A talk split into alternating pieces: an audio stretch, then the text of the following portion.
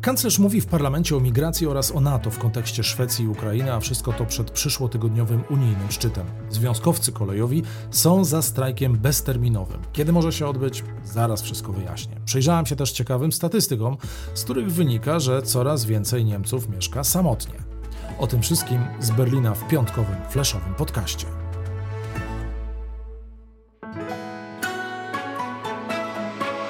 Plus 49 News. Zaprasza Tomasz Lejman, korespondent telewizji Polsat i portalu Interia w Niemczech. Dzień dobry, witajcie. Zacznę od tego, co się wydarzyło w czwartek, a kanclerz Niemiec Olaf Scholz bronił w niemieckim parlamencie, czyli w Bundestagu, europejskich planów dotyczących procedur azylowych na zewnętrznych granicach Unii Europejskiej. Dodajmy, że tych niezadowolonych jest sporo, a wśród nich są też koalicjanci. Olaf Scholz mówił, że to historyczne porozumienie, bo pokazuje, że Unia Europejska może przezwyciężyć różnice nawet w najbardziej kontrowersyjnych kwestiach i dodał, i tutaj cytat, że nowy i sprawiedliwy system odciąży też Niemców, ponieważ do tej pory to właśnie Niemcy były celem niekontrolowanej migracji wewnętrznej w strefie Schengen.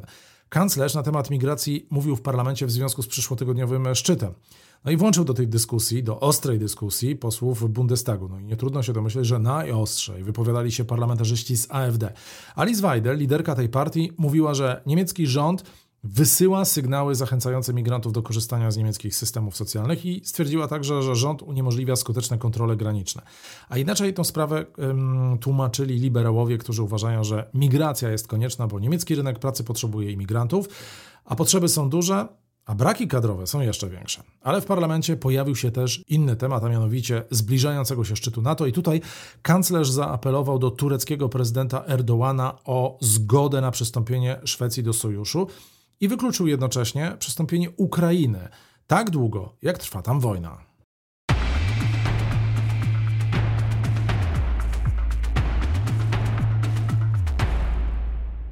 A jednak kolejowi związkowcy chcą przystąpić do strajku w związku z brakiem porozumienia z pracodawcami w sprawie podwyżek płac. Ale spokojnie, strajku nie będzie w najbliższych dniach, bo zanim to nastąpi jeszcze o zdanie zapytani zostaną pracownicy m.in. Deutsche Bahn, czy są gotowi do przystąpienia do takiego bezterminowego protestu. To głosowanie Potrwa nawet 4 do 5 tygodni. Jeżeli okaże się, że za strajkiem jest 75% tych, którzy należą do Związku Zawodowego FVG, no to y, wtedy zapadnie decyzja, w jakiej formie i kiedy kolejarze odstąpią od pracy. Sytuacja jest jakby nie patrzeć napięta, bo z jednej strony narasta konflikt między pracodawcami a związkowcami, a z drugiej strony ludzie po prostu nie wiedzą, czy muszą się spodziewać komunikacyjnych problemów, a zbliżają się przecież wakacje i wiele osób planuje urlop, no i takie strajki w wakacje wiele mogą popsuć. Dlatego minister transportu apeluje do jednej i do drugiej strony, by ponownie zasiadły do stołu i by szukano rozwiązania, by szukano kompromisu. Tyle, że związki zawodowe jak na razie nie widzą możliwości, by negocjować i by te negocjacje kontynuować bo one i tak już trwały dobrych kilka tygodni i nic nie udało się osiągnąć. Rozbieżności po prostu są duże. Plus 49 News. Ciekawe orzeczenie wydał w czwartek Federalny Sąd Socjalny, który zajmuje się m.in. sprawami pracowników, jeżeli chodzi o świadczenia socjalne, ubezpieczenia itd. Tak a mianowicie po raz pierwszy ten sąd uznał, że zespół stresu pourazowego jest chorobą zawodową, a zatem osoby takie mogą otrzymać od prywatnych ubezpieczalni rentę w związku z tym, że nie mogą pracować. A wielu Niemców właśnie na wypadek konieczności przerwania swojego zawodu ubezpiecza się. Do tej pory ubezpieczalnie przyznawały rentę osobom, które na przykład po wypadku nie mogły pracować fizycznie lub też straciły głos, a był on konieczny do, wykonania, do wykonywania zawodu, tak jak my, dziennikarze. Takich przypadków jest tutaj naprawdę bardzo dużo, ale odmawiano przyznania rent tym, którzy przeżyli na przykład traumę.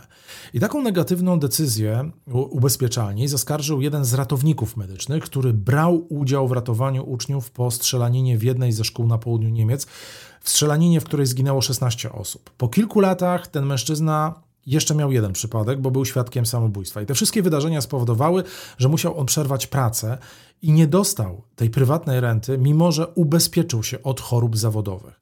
Sąd uznał dziś, że zespół stresu pourazowego jest chorobą zawodową i basta. Sprawa musi jeszcze trafić do jednego z lokalnych sądów, a ten musi szczegółowo zająć się przypadkiem ratownika medycznego, ale po dzisiejszym wyroku no ma on duże szanse na rentę, a co za tym idzie, jego przypadek otworzy furtkę dla innych osób, które w związku z traumą nie mogą podejmować pracy i nie otrzymały takiego ubezpieczenia.